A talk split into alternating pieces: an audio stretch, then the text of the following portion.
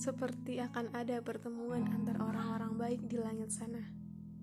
Seperti akan ada hal yang terjadi di dunia ini dan dia tidak perlu ikut campur.